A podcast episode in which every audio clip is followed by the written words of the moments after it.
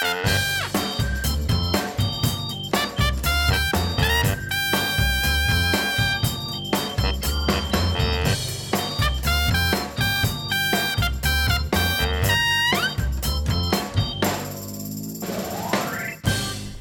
heerlijke weken aan de kust in Friesland en in Zeeland zijn Patrick en Jeffrey weer terug voor de CIP-podcast. Yes! Want dat een waarheid als een koe. Hè? We hebben lekker aan de kust gezeten. En het was heerlijk weer. Ik in het noorden, jij in het zuiden. Ja, ja. Zij komen uit het noorden en hij uit het zuiden. Ik was in Moddergat.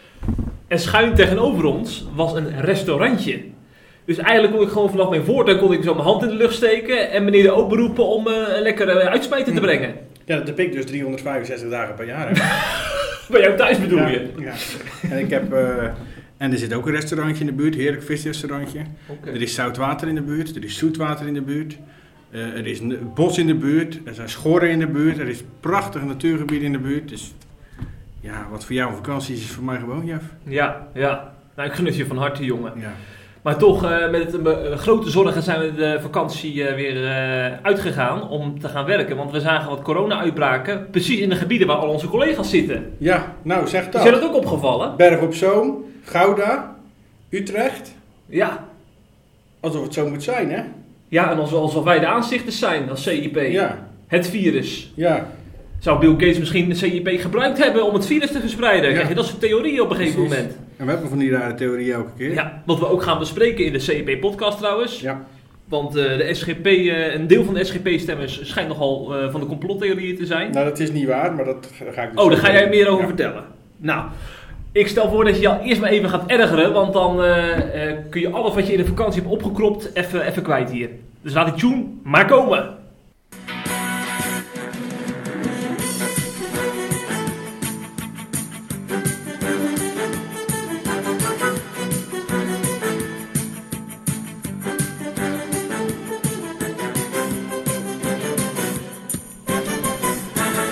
Ja, nou, ik heb me dus tijdens de vakantie helemaal niet geërgerd, moet ik zeggen. Want ik heb mezelf eh, afgesloten van al het christelijke nieuws wat er te vinden was.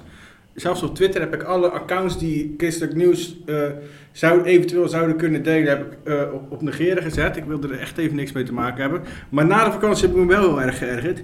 Het was namelijk zo, afgelopen zondag was minister Carola Schouten bij Zomergasten. Daar werd ze drie uur lang geïnterviewd. Daar ga ik zo nog verder op in.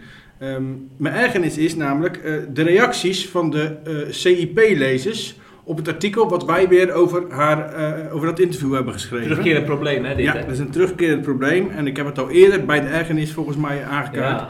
Ik ga het opnieuw aankaarten, want ik heb echt, echt weer hele schokkende reacties gezien on- onder het artikel met Carola Schouten. En ik zal er een paar voorlezen ook. Het wordt tijd dat ze Jezus een keer gaat opzoeken, dan zijn we van haar af. Het is gewoon een doodsbedreiging Ja. bijna. Ja. Een lelijk, doortrapt mens met een verkeerde agenda. Judas-minister. Wolf in schaapskleren, schande voor het hele land. En dan de laatste. Wat ik niet begrijp is waarom zij haar medemens doelbewust aan het vernietigen is. Dat zij nog over Jezus durft te spreken. Dan ben je werkelijk een fariseer. En het gaat dan even door over de boeren en zo. En dan gaat diezelfde reactie verder. Besef wel, beseft zij wel wat ze allemaal op haar geweten heeft. Als zij straks voor God komt te staan, moet ze daarvoor verantwoording voor afleggen. Schaam je dieper dan diep. Jongen. Tjonge, nou, ik wil daar, ik wil daar eigenlijk twee dingen over zeggen. Ja. Ehm, het eerste is ehm, dat we vanaf nu daar een, stuk strenger in gaan zijn in de reacties. Want de, de maat is echt wel een beetje vol nu. Eh, dus dat betekent, ik heb nu de reacties verwijderd. Deze reacties die je, als je mensen die nu willen gaan opzoeken, helaas, ik heb ze echt verwijderd. Want ik wil niet dat, we willen niet dat andere mensen dit lezen, zeg maar. Ehm, de volgende keer, dan blijft het niet alleen bij het verwijderen van de reacties, maar dan gaan we nog een stapje verder. Dan word je namelijk gewoon geblokkeerd. Want we willen dit niet meer hebben op eh, onze website, ook niet op Facebook van het CIP. We willen daar het is met name Facebook, het is toch? vooral Facebook, ja. Ook wel eens onder artikelen, maar het is vooral Facebook. Maar we willen daar zeg maar niet langer mee geassocieerd worden. Ehm, dus het is, het, is, het is echt een keertje klaar. Dus bij deze is dat de laatste waarschuwing. Mochten er mensen zijn die luisteren en die denken... ik ga weer eens even een reactie neerpennen. Of wacht dat het wel meevalt. Want de meeste luisteraars van de podcast zullen denk ik eh, niet zo zijn. Ten tweede wil ik er ook nog wel eh, een klein beetje... eh, nou ja, inhoudelijk is wat overdreven, maar wil ik eh, een Bijbeltekst voorlezen eigenlijk. Hmm. Eh, en dat is namelijk een uitspraak van Jezus. En die zegt: Waarom ziet u wel de splinter in het oog van uw broeder, maar merkt u de balk in uw eigen oog niet op? Of hoe kunt u tegen uw broeder zeggen: Broeder, laat toe dat ik de splinter die in uw oog is eruit haal, terwijl u zelf de balk in uw oog niet ziet? Huigelaar, haal eerst de balk uit uw oog, en dan zult u goed kunnen zien om de splinter die in het oog van de broeder is eruit te halen. Dus ik zou tegen al die mensen willen zeggen: kijk eerst naar jezelf. Zeg ik ook tegen mijzelf trouwens en tegen jou. Kijk eerst naar jezelf voordat je zo hard eh, over iemand oordeelt waar je het politiek gezien niet helemaal mee eens bent. Want dat ben ik ook niet, hè? laten we duidelijk zijn. Hm. Ik ben het ook helemaal niet eens met, met het beleid van minister Schouten. Maar dit was, dit, ze was in deze uitzending heel puur, heel kwetsbaar, heel, heel open over de geloof. En als je dan zo gaat reageren als christen, dan denk ik dat je niet helemaal op de goede weg zit. Nee, nee. Helder signaal, eh, Patrick, Yes. wat ik van harte onderschrijf. Mooi zo.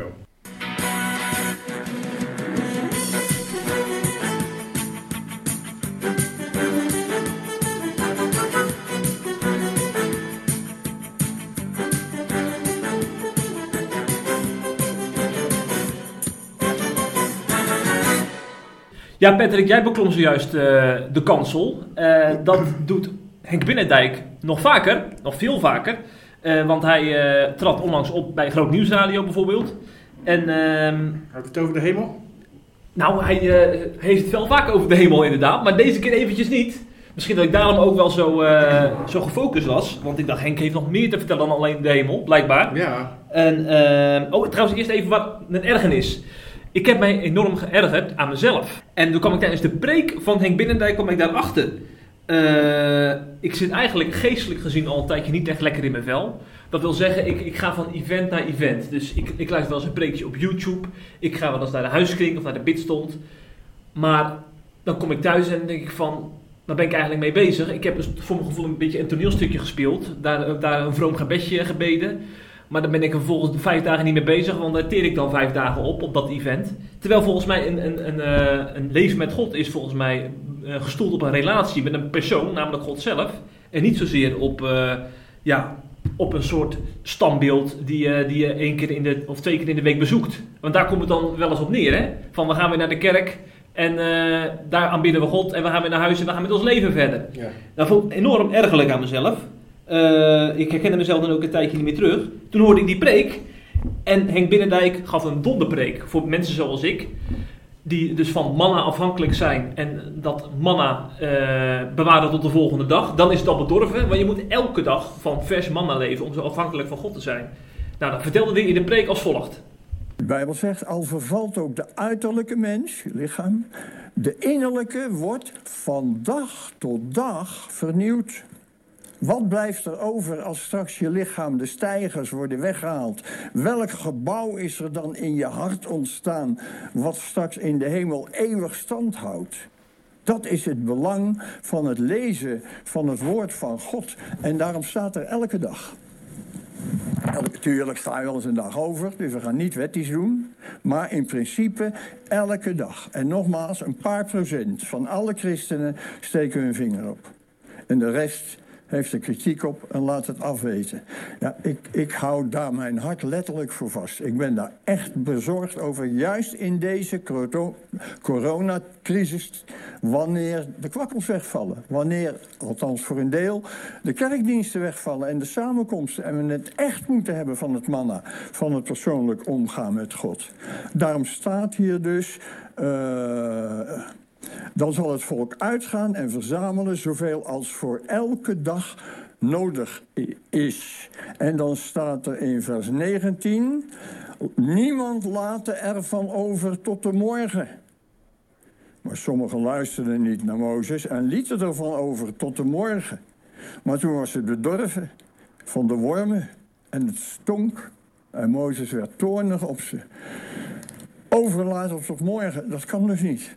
Elke dag. Ik weet nog uit mijn begintijd van christen zijn dat ik dan naar een conferentie ging en dan was ik erg gezegend, eh, of naar een weekend, en dan dacht ik, nou kan ik er weer een tijdje tegen. Maar zo werkt het niet. De andere dag kan je al weer, weer, weer verschrikkelijk in, in, in een diepte terechtkomen. Het is echt elke dag. En hier zijn mensen die denken, nou ja, dat kan ik wel overlaten voor morgen. Dan hoef ik het morgen niet te gaan halen. En toen zaten er wormen in en het stonk. En Mozes werd toornig op ze. Elke dag. Voelt u hoe de Bijbel dat benadrukt voor ieder van ons? En ik blijf zeggen, als je de smaak te pakken hebt, dan is het geen opgave, maar een gave. Dan is het niet een plicht, maar het is een geschenk van God. Dit boek is zo fascinerend in allerlei opzichten. Ja, ik vind het echt een. Ik zou zeggen, ga die hele preek van Henk Benedijk opzoeken op YouTube, Groot Nieuws Radio. Het is echt een heerlijke boodschap. En uh, het heeft ook ge gewerkt bij mij. Want ik ga nu elke dag ga ik na het eten even een kamertje in. Dat is de hobbykamer van mijn vrouw. Ja. Die mag ik dan eventjes een uh, half uurtje gebruiken om daar eventjes wat uh, christelijke liedjes te luisteren. Of te zingen of te bidden, wat dan ook. En ik moet zeggen, daar knap ik geestelijk van op. Ik heb het gevoel dat ik eindelijk weer een relatie heb met, met God. En dat had ik een tijdje niet. Heel mooi. En ik hoop... werkte wel, maar dat werkte niet aan. Ja, precies, daar werkte ik niet aan. En uh, trouwens, ik hoop ook dat mensen in de voetsporen gaan treden van Henk Binnendijk. Want ik merk wel eens dat er een beetje een bemoedigingscultuurtje is ontstaan in christelijk Nederland. Hè? Van uh, we gaan een, een naar die en die persoon luisteren, die gaat ons weer geestelijk opbouwen en bemoedigen. Maar volgens mij hebben we ons af en toe ook wel eens een schop onder onze kont nodig. Op christelijke wijze natuurlijk. Ja. Met alle zachtmoedigheid die erbij nodig is. Ja. Maar ik hoop dat meer mensen dat gaan doen, want uh, ze zijn op één hand te tellen. Ja. Moet je nog even zeggen dat je het ook op papier hebt gezet in een column? Oh ja, dat is een goede van je. Ja, ja, ja, ja. Ik heb natuurlijk een column geschreven ja. voor CIP. CIP Plus wel. CIP Plus. Met als titel, ik ben een luie christen en Henk Binnendijk schudde mij wakker. En daarin heb ik dit allemaal inderdaad uiteengezet. Ja, dus... dat hoeven ze nu niet meer te lezen. nee, dat, zijn, daar, daar zet je het verder uiteen. Hè? Ja. Veel, veel gedetailleerder nog, hè? Inderdaad. Ja. ja. Oké, okay, heel mooi, Jeff. Hey, maar we hadden het net over Carola Schouten. Ja. Uh, daar had jij nog meer uh, over te zeggen natuurlijk. Ja, die was dus bij, bij Zomergasten inderdaad. Net ging ik even op de reacties van de SIP-lezers in. Hè? Of in ieder geval van mensen op Facebook. Um, maar laten we eens even focussen op dat interview zelf. Want dat was echt een, een fantastisch interview. Drie uur lang duurde het. Dat is natuurlijk het mooie aan het format van Zomergasten. Hè? Het gaat niet zoals bij een normale talkshow. Uh, dat je dat even snel je, je punt gemaakt wordt omdat ze weer naar een ander onderwerp moeten. Nee, er wordt echt uitgebreid met je gesproken. Um, dus het ging ook heel veel uh, over, over haar werk als minister. Over de, uh, de hele toestand met de boeren. Hè? Waar ze eigenlijk al, al maanden mee overhoop ligt. Of al langer zelfs. Maar daar wil ik het even niet over hebben, want ze heeft zich namelijk, um, wat, wat ik het allermooiste vond in het interview, is dat ze zich heel kwetsbaar opstelde. En dat doet een politicus doet dat niet zo snel. Hè? En ik wil er eigenlijk twee dingetjes uithalen. Als eerste vertelde ze um, uh, dat ze heel vaak aan zichzelf twijfelde. Uh, dat ze zich afvraagt of ze het wel goed doet. En dat vind ik echt, echt. Ik heb dat nog nooit eerder uit de, de mond van een politicus gehoord. En het, het, mooiste was dat ze daarbij ook nog eens vertelde. Uh, waar ze met die twijfel en met die vraag: doe ik het wel goed? naartoe gaat. Hmm. Um, ja, ik zou zeggen, laten we er even naar luisteren. Ik geloof dat in alles wat je doet in het leven, dat, um, dat er heel veel vragen zijn. Ben ik goed genoeg daarin? Ben ik goed genoeg? Voor je vrienden, voor je mensen om je heen, in je werk. In, uh, en dat er heel veel momenten zijn dat je denkt dat. Uh, dat kan gewoon niet zo zijn. En dat ik geloof dat er maar één ding is wat, uh, wat Jezus mij leert. Jij bent geliefd. Ik zie alles wat je doet. Ik weet alles wat je overdenkt. Ik ken je fouten. Ik ken je goede dingen. Ik ken je slechte dingen. Je, je donkere kanten. Je lichte kanten. Maar je bent geliefd. En er was er nog een, dit, dit, dit vind ik echt fantastisch. Hè? Dat, je moet nagaan, we lopen wel eens te klagen over secularisatie. Daar kom ik straks nog op terug overigens in ons land. Maar dat we een minister hebben, dus iemand die in de regering zit, die mede het beleid bepaalt in ons land. En uh, dat die zo open en zo eerlijk over God en over Jezus praten. En met tranen in de ogen, live op televisie, op de Nederlandse televisie vertelt dat Jezus haar lief heeft. Ja, dat is toch fantastisch, Jeff? Maar dan heb ik nog een vraag aan jou, Patrick. Want wat maakt dit dan zo authentiek? Want heel veel politici in Amerika zijn nu ook in de, met de, in de verkiezingsstand heel veel teksten over hun geloof aan bezigen. Ja. Wat maakt dit dan echt... Het authentieke is dat, uh, dat ze, dat ze uh, God niet als stokpaardje gebruikt, maar dat ze zich juist, dat ze juist laat zien dat ze God nodig heeft. Mm-hmm. Dus dat ze zegt, uh, dat ze heel vaak aan zich, wat ik net zeg, dat ze heel vaak aan zichzelf twijfelt, doe ik het wel goed? Eh, en dan niet alleen in de werk hoor, maar ook eh, naar vrienden toe, naar familie toe, naar de zoon toe. Ze heeft een zoon, zoals je weet. Ja. Doe ik het eigenlijk wel goed? En dat, ze dan eigenlijk, dat er dan eigenlijk maar één plek is waar ze naartoe kan en dat is Jezus. En dat Jezus haar dan leert, ik heb je lief. Ondanks je fouten, ondanks je, eh, inclusief je donkere kanten, inclusief je zonde, inclusief je, de dingen die je niet zo goed doet. Ik heb je lief. Eh, dat maakt het voor mij zo uniek. Ik heb dat nooit zo een Amerikaanse politicus op die manier horen zeggen. Zelfs eh, Mike Pence niet. Hm. Terwijl ik dat toch echt wel ook als een, als, een, als, een, als een oprecht christen ziet. Een ander moment wat ik heel mooi vond, was dat ze eh, begon over Primo Levi. Dat is een schrijver van, van het boek Is dit een mens? En hij, heeft, hij is in Auschwitz geweest, dat heeft hij overleefd. Er is een documentaire over hem gemaakt waarin hij teruggaat naar Auschwitz. Dat is heel indrukwekkend. Eh, en in dat boek, eh, dat boek dat leest Carola Schouten dus elke paar jaar een keer. En eh, dat boek gaat over hoe de mens eigenlijk is. Hoe de mens zover heeft kunnen komen, zoals in Auschwitz bijvoorbeeld. Hè? Dat, hoe de mens tot zulke daden in staat, toe in staat is. En de conclusie van het boek is eigenlijk dat het meest vernietigende systeem op de wereld eigenlijk alleen succesvol kan zijn als je alles en iedereen dehumaniseert. En Schouten zegt daarvan, ik geloof dat in die uitspraak een hele grote waarheid zit. En nu quote ik haar, als wij de mens niet meer zien, als wij mensen gaan reduceren tot de groep waartoe ze behoren en niet meer tot wie hij is, dat is voor mij het kwaad. Ik geloof dat ik nog steeds bij alles wat ik doe moet nadenken of ik de mens nog zie. Dus in de, Tweede Wereldoorlog, in de Tweede Wereldoorlog was je dan een Jood. Dus je bent niet een mens, je bent een Jood. We zien dat nu ook terug. eh, de toespraak van Arnold Grunberg op 4 mei, weet je wel, waar heel veel kritiek op is gekomen. Eh, die zei dat ook. Hè. Die Oh, haalde ja. deze schrijver trouwens ook aan. De Marokkaan. Hè. Je bent een Marokkaan. Dan hoor je per definitie bij een groep die bepaalde kenmerken heeft. Dat is natuurlijk heel gevaarlijk om zo te denken. En zo is de Holocaust in principe ook ontstaan.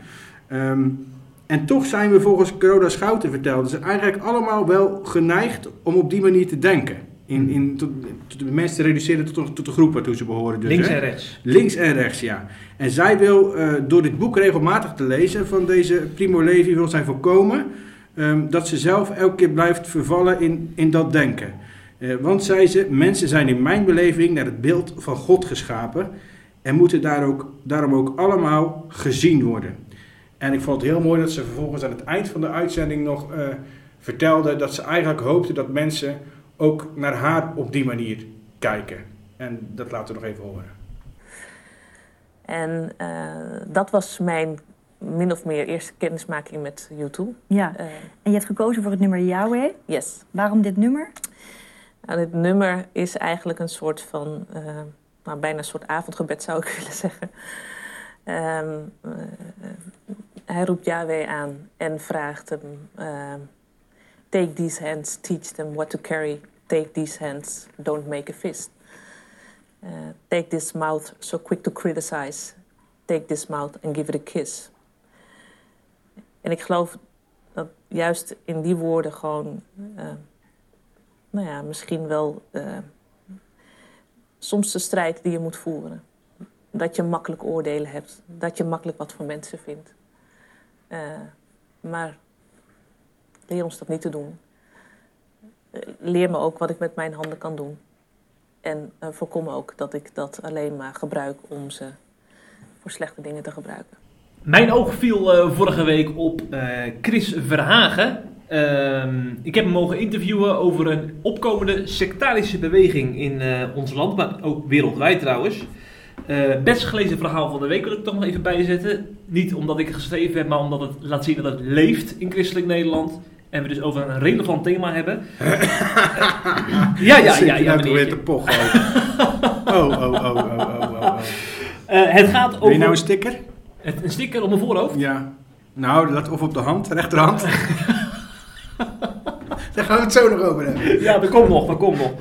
Het gaat over de kerk van de Almachtige God. Ja, je zou denken, dat is natuurlijk een hele mooie naam voor een eh, christelijke beweging. Ja. Eh, maar als je je daarin verdiept, volgens deze Chris Vragen, dan, dan stik je het Lep Lazarus. Eh, dat heeft hij namelijk gedaan. Hij heeft een eigen YouTube-kanaal, dat heet de Christelijke Apologeet. En op het YouTube-kanaal dan gaat hij allerlei bewegingen langs. Eh, op basis van eh, onderbouwde argumenten vanuit de Bijbel bekijkt hij dan ook of bewegingen ehm, een dwaalleer verkondigen. En volgens hem hoort de kerk van de Almachtige God bij die sectarische dwaalleren. die, waar we voor dus moeten oppassen met z'n allen. Mhm. Eh, waar hebben we het eigenlijk over? We hebben het over een kerk, die, of een, eigenlijk meer een beweging, die de boodschap verspreidt dat Jezus al in 1991 is teruggekeerd in het lichaam van een Chinese vrouw. Dat is de kernboodschap van, eh, van deze secte.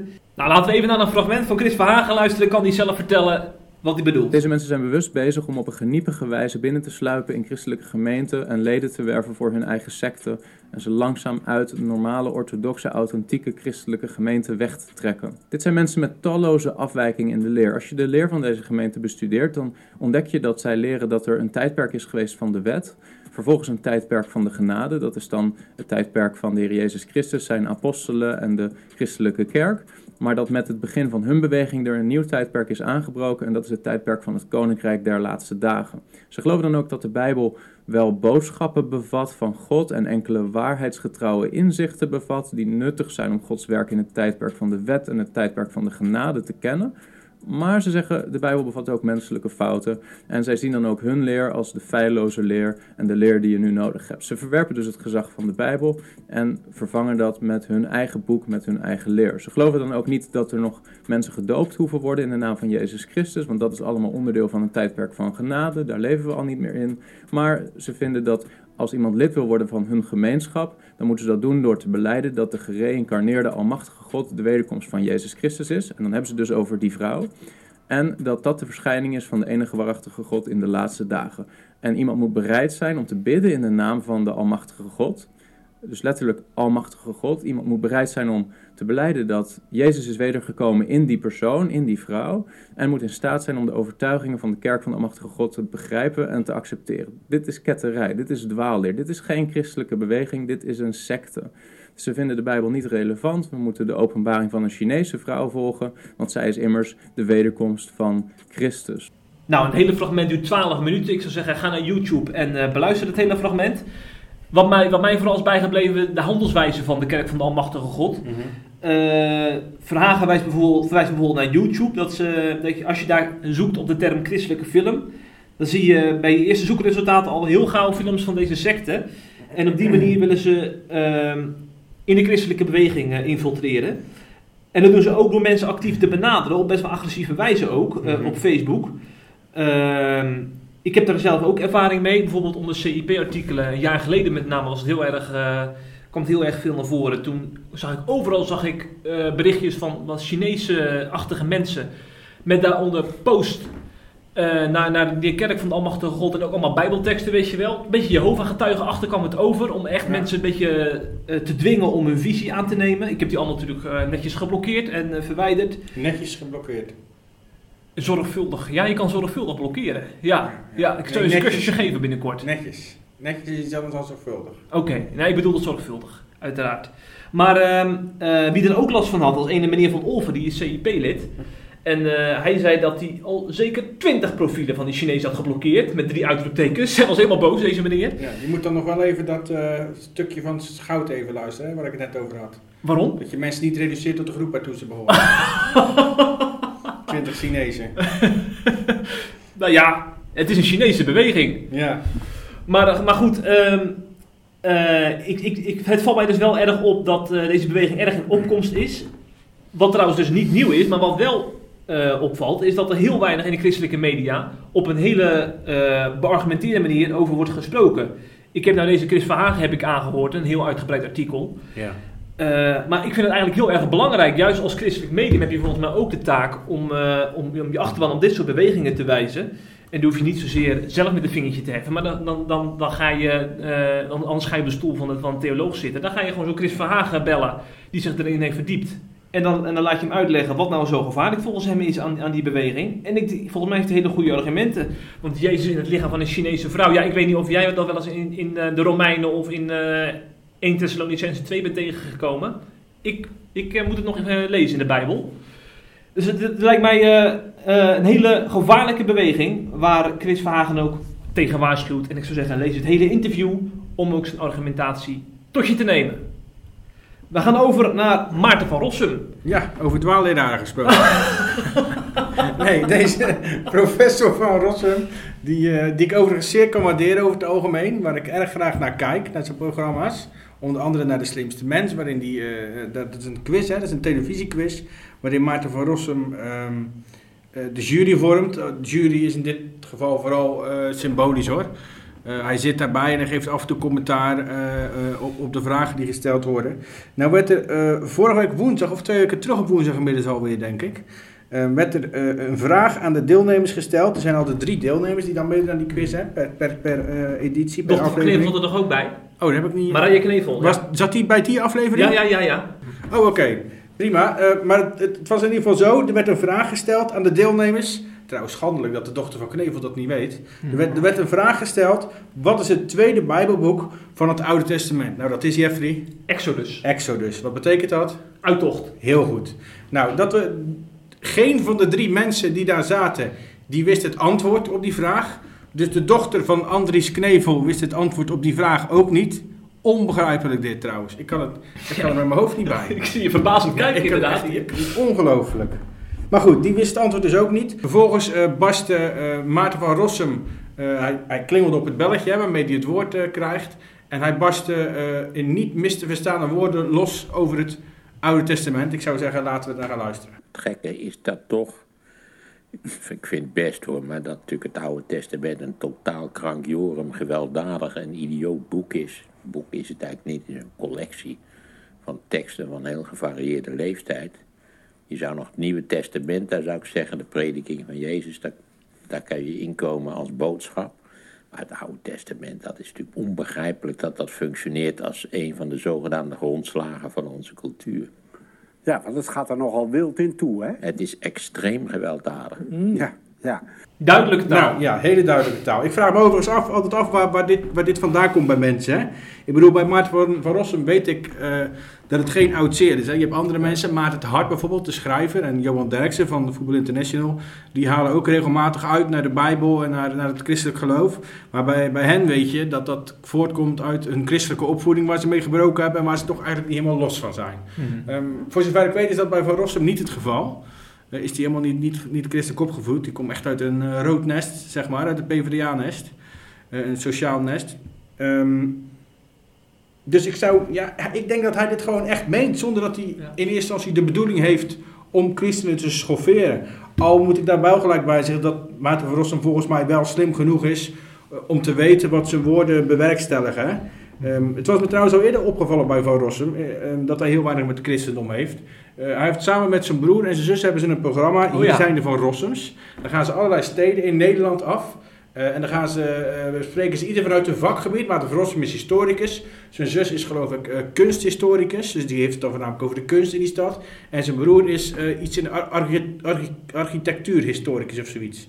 Dus dan hebben ze, alle, hebben ze verschillende punten, bekijken ze de stad. Nou, toen waren ze in Haarlem. Bespraken ze talloze dingen. Maar ehm Corrie ten Boom... die werd volledig genegeerd toen. Nou, als jij historicus bent en je bent in Haarlem, je hebt daar het Corrie Boom Museum. Dat is het huis waar ze gewoond hebben vroeger, hè, waar heel veel verzetsstrijders kwamen, waar eh, onderduikers waren, waar ze zijn opgepakt ook. eh, waar mensen zijn ontsnapt ook aan de Duitsers, doordat ze een soort geheime kamer hadden, net zoals Anne Frank. Hè. Ehm, alleen die werd wel gevonden natuurlijk. Eh, maar dat werd in dat programma dus volledig genegeerd. Heel die Corrie ten Boom. En dat vind, ik, dat vind ik echt lachwekkend, want dat is een van de grootste oorlogshelden die we in ons land hebben gehad. Daar ben ik natuurlijk wel weer een beetje de andere kant op gekleurd, expres. Maar dat, dat, het is me vaak opgevallen dat, dat hij dan een beetje aversie heeft tegen alles wat met religie te maken heeft. Wat ik overigens veel schokkender vind eh, aan dit hele verhaal, ik zei het net al een beetje, ehm, dat is dat die drie, dat drie intelligente mensen, die heel veel weten, die antwoord weten op vragen waar ik van denk, dat ik de vraag amper snap, zeg maar, Ja. dat die niet weten wat het tweede Bijbelboek van het Oude Testament is. Ik vind het ongelooflijk, dat zegt ook iets over hoe snel de secularisatie eigenlijk gaat. Hè. Schijnbaar hoort het niet meer bij de basiskennis in het land dat je weet welke Bijbelboeken er zijn. Overigens vond ook Krijn de Jong dat. Die stond eh, eerder deze week op SIP. Hè? Ja, Die heeft, heeft hij op eh, zout.org geschreven. Dat is een, een nieuwe website. Ehm, en die vond dat ook. Die zei, en ik, ik quote... De drie bijna slimste lijken geheel van de Bijbel en het christelijk geloof vervreemd. De nieuwe, totaal geseculariseerde generatie. Schokkend dat in recordtijd alle Bijbelkennis teloor is gegaan. En ik denk inderdaad ook dat dat eh, eh, misschien nog wel erger is dan het feit dat Maarten van Rossum ja, drie lelijke woorden over het Oude Testament zegt. Ja. Overigens, voor Rossum is in oktober wordt die, is hij eh, jarig. En ik stel voor om hem een verjaardagscadeautje te geven. Namelijk een boek Struikelblokken van Marjan Paul. Die is pas uitgekomen bij de Banier. En daarin legt hij dus al die moeilijke teksten waar christenen massaal overheen struikelen in het Oude Testament, legt hij uit. En in tegenstelling tot Van Rossum is hij wel deskundig op het gebied van het Oude Testament. Namelijk, hij is Oud-Testamenticus. Ja. Dus eh, misschien een goed, een goed Ja. eh, cadeau voor eh, Ja. meneer Van Rossum. Laten wij dat als SIP-redactie naar hem gaan sturen. En woont hij achter in Utrecht of niet? Kunnen we nog door de bus doen ook? Ja, ik denk niet dat je weet waar hij woont. Nee, die ga je niet vinden, dat adres. Nee. Nee, nee. Ik denk dat we het gewoon naar de studio van de slimste mensen moeten sturen. Ja, ja, goed idee. Ja.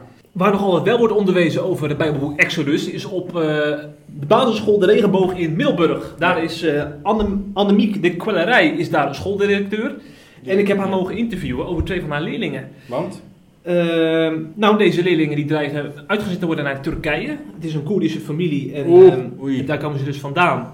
Ja, oei, jij zegt inderdaad oei, want Koerden en Turken, dat is graag echt eh, water en vuur, hè? Kort naar Turkije uitzetten, dat Ja. is, dat is, Ja, dat is echt bizar. ongelooflijk dat ze Ja. dit hier gaan doen. En we hebben nog niet eens over een bekeerningsverhaal. Alles mag hier blijven.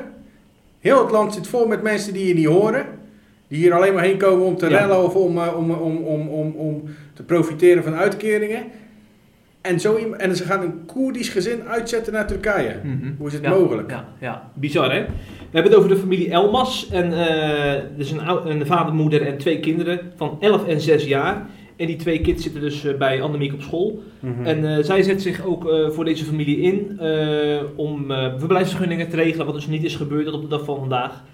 Samen met een team. En ik heb haar eh, geïnterviewd omdat ik in het Nederlands Dagblad inderdaad las dat eh, ze gaan worden uitgezet. Overigens is de advocaat van dit gezin in hoger beroep gegaan.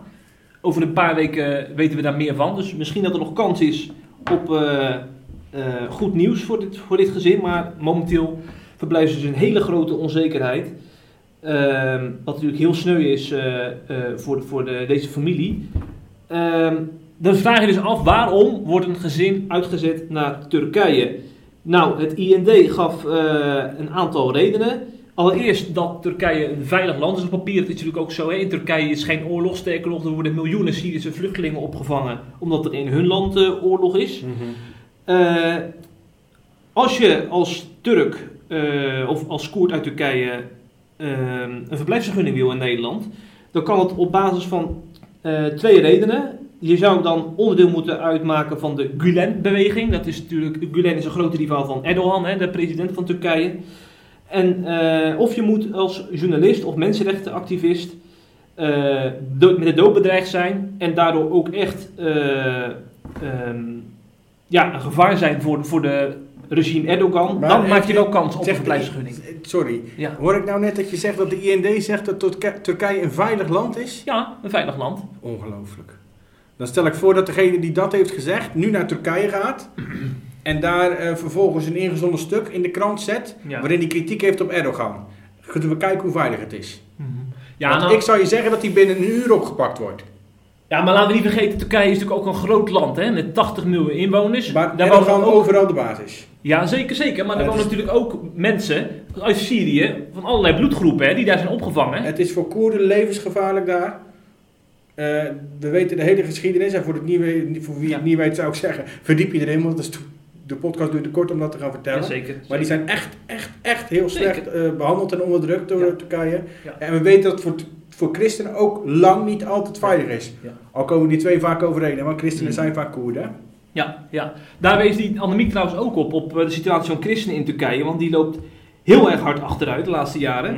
Eh, dat is met name het geval sinds 2016, hè, toen die mislukte staatsgreep plaatsvond eh, op Erdogan. Tenminste, dat wordt beweerd, hè, dat het een eh, poging tot een staatsgreep eh, was. Daar zijn ook nog wel eens de meningen over verdeeld. Ja. Maar goed, dat is het officiële verhaal. ja. Vervolgens eh, zijn niet alleen de, ziet alleen de Gulen-beweging hard aangepakt, maar ook christenen. 23 buitenlandse christelijke gezinnen moesten het land verlaten. ja.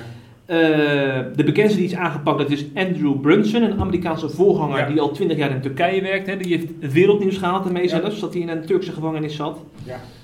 Vorig jaar heeft hij het land verlaten en sindsdien voert Turkije druk op zendelingen alleen maar op. Ja. Ehm, daar komt nog bij dat kerkleiders in Turkije vorig jaar de noodklok hebben geluid, omdat eh, christenen worden gelijkgesteld aan terroristische groeperingen steeds meer, om op die manier ook eh, van de kerk af te kunnen. Eh, dat, is, dat is natuurlijk inderdaad, ook- dat heeft ook weer met dat Carola Schouten interview te maken. Hè? Als je mensen de- dehumaniseert tot terroristen, Ja. ja. dan kun je ze uit de weg ruimen en dan kun je zeggen, de kerk, voor de kerk is hier geen plaats. dat gebeurt dus ook in Turkije. Wat, wat Hitler ook deed, hè, met die Ja, ja, ja, ja. Erdogan die, eh, die eh, wakkert dat ook aan. Hè? Ik kan me nog herinneren dat hij sprak van een heilige oorlog tussen het kruis en de halve maan. Ja, Dus eigenlijk daarmee ook het christendom ja, de oorlog heeft verklaard. ja, ja, ja. Ja, je zou denken bij het IND hebben ze dit ook allemaal paraat, dit soort eh Ja, dit feiten. is, dit volgens mij, dit is één, maar het is ook nog eens zo, het gaat nu alleen maar om eh, vanuit de staat, hè.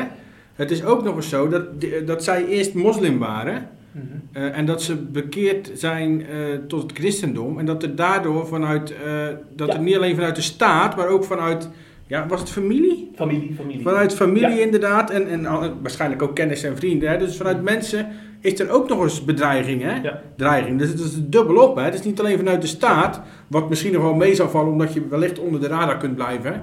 Eh, al is dat la- vrij lastig, denk ik, als Koert en als christen. Maar ook nog eens vanuit je eigen familie die daar gewoon bij wijze van spreken met een mes op je zit te wachten. Ja. het is echt ongelooflijk dat de Nederlandse staat hier altijd zo, zo, zo gunnend is, zou ik zeggen, naar vluchtelingen.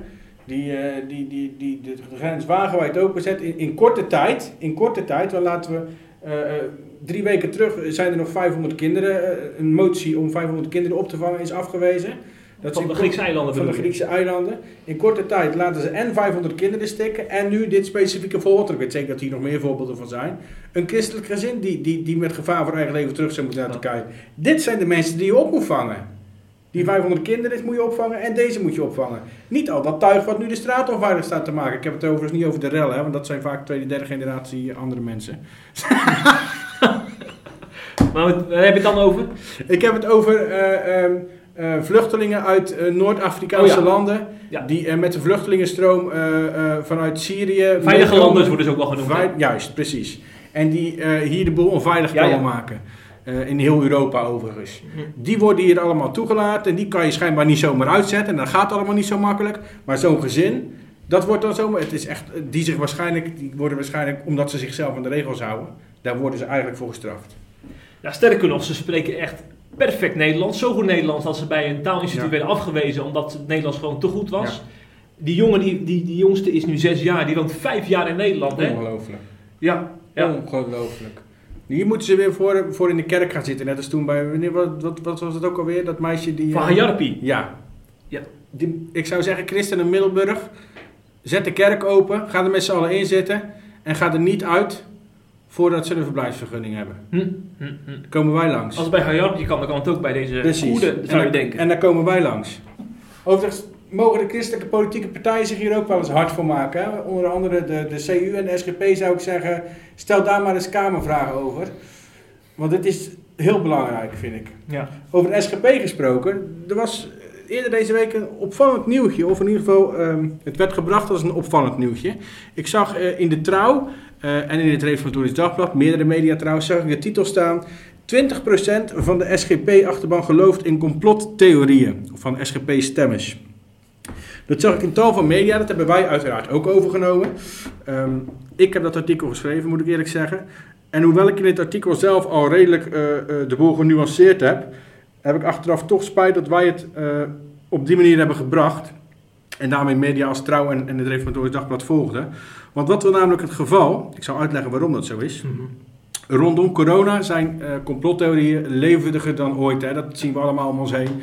We zien de gekste dingen voorbij komen van mensen die denken dat we allemaal in een wereldwijde val aan het trappen zijn. En alle landen samenwerken om, om, om ons eronder te krijgen. Je, Mhm. je kent het allemaal wel. En daarom besloot Kieskompas om een onderzoek uit te voeren. eh, om te kijken naar hoeveel mensen nu eigenlijk daadwerkelijk in complottheorieën geloven.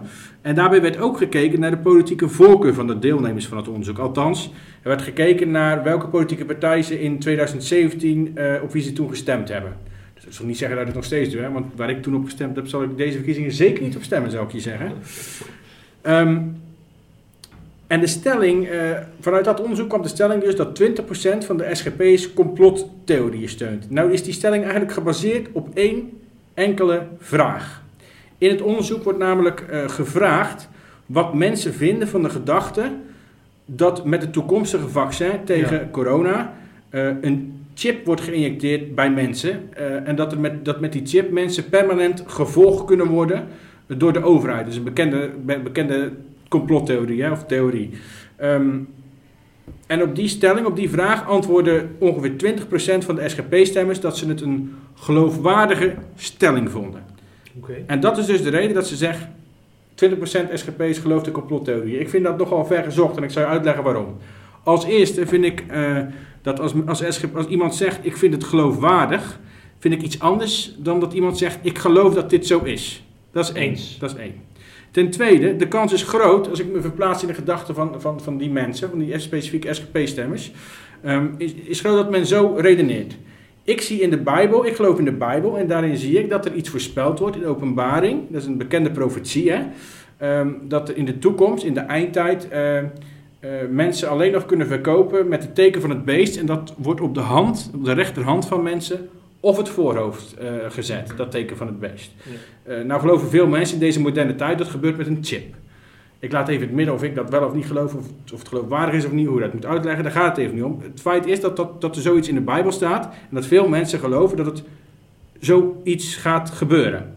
Ehm, als ze vervolgens in zo'n onderzoek lezen, eh, zo'n stelling lezen en ze denken ik geloof in de Bijbel, dan zeggen ze nou ja, ik vind het eigenlijk best wel geloofwaardig, weet je. Daarmee zeggen ze dus niet nogmaals, het is zo, het gaat gebeuren. Nee, ze zeggen het zou kunnen. Dat is eigenlijk wat ze zeggen. Het zou kunnen gebeuren. Het is voor mij geloofwaardig.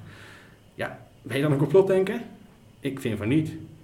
Gaat ver, ja. Ik vind, ik vind die conclusie heel ver gaan. Eh, kijk, als je nou nog tien vragen had gesteld met allerlei complottheorieën en ze hadden daar ook eh 20% eh, ja op geantwoord, dan was het een andere vraag geweest. Maar op één enkele vraag, waarbij je ten eerste de beantwoording, ik vind het geloofwaardig, niet gelijk kan stellen aan het gebeurt.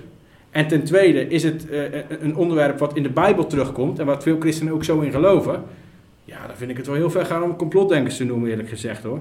Daarbij worden gelovigen door veel seculieren niet sowieso als complotdenkers gezien. Waar doe je dan op?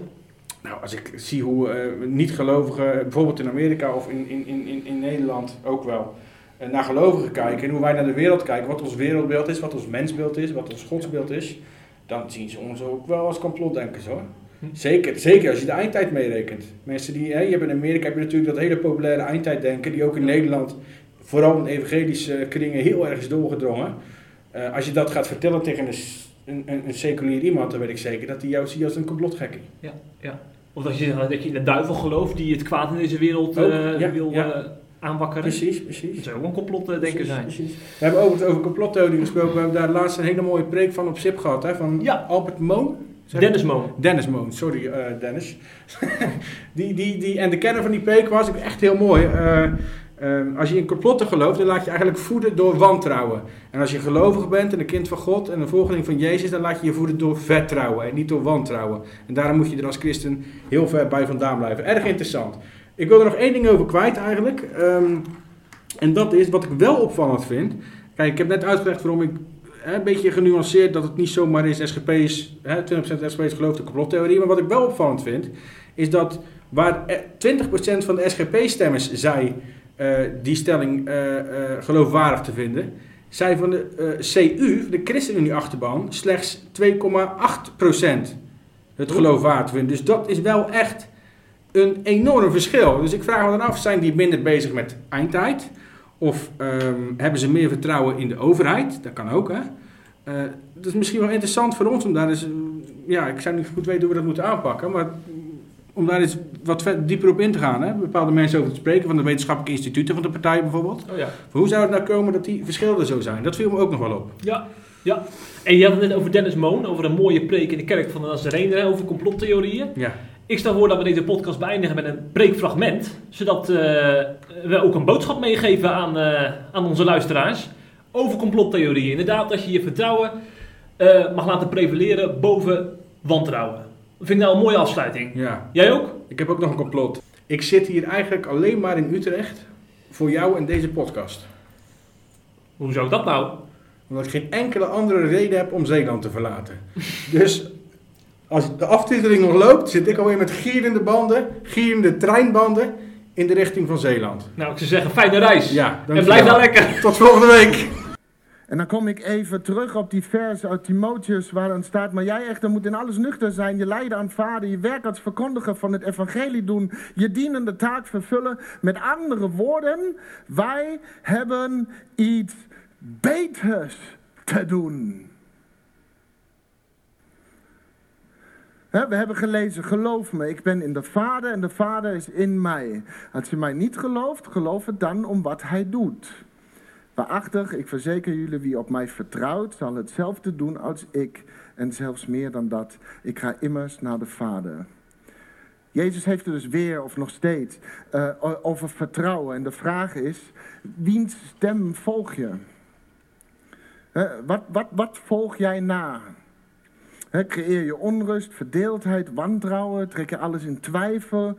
Of kun je dus ook leven vanuit, en dat is wat Jezus dus zegt, kun je ook leven vanuit een bepaald basisvertrouwen? En dat is dus mijn hele verhaal vandaag. Het is niet ingewikkeld, want bij een bepaald basisvertrouwen hoort ook een bepaalde basiswaarheid. En uit die basiswaarheid komen bepaalde prioriteiten voort die zeggen: wij hebben iets beters te doen. Maar hier is het dilemma. Mensen hebben steeds meer hun, hun basisvertrouwen echt letterlijk afgelegd. En dat heeft niemand je afgenomen. Niemand heeft jou je, vertrouwen afgenomen. Jij hebt het weggegeven. Je hebt het zelfs uit handen gegeven. En, en de handen waarin je het hebt gelegd, zoals misschien complottheorieën, hebben het zo gedraaid dat je het nu kwijt bent, omdat zij altijd uitgaan van wantrouwen. Dus iets wat in de kern wantrouwen is, kan niet jou helpen met jouw vertrouwen. En, het resultaat is dat je niks en niemand meer kan vertrouwen, maar wantrouwen. En de vraag, echt uit mijn hart, is dat echt het goede leven dat je wilt leven? Is dat jouw getuigenis? Is dat jouw voorbeeld voor je naasten, voor, voor je familie, voor je kinderen, voor je, voor je vrienden?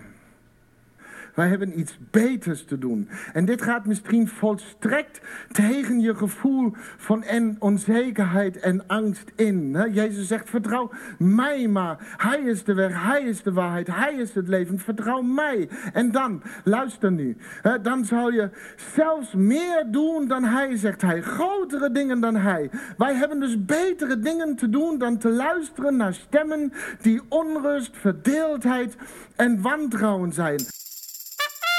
Ah!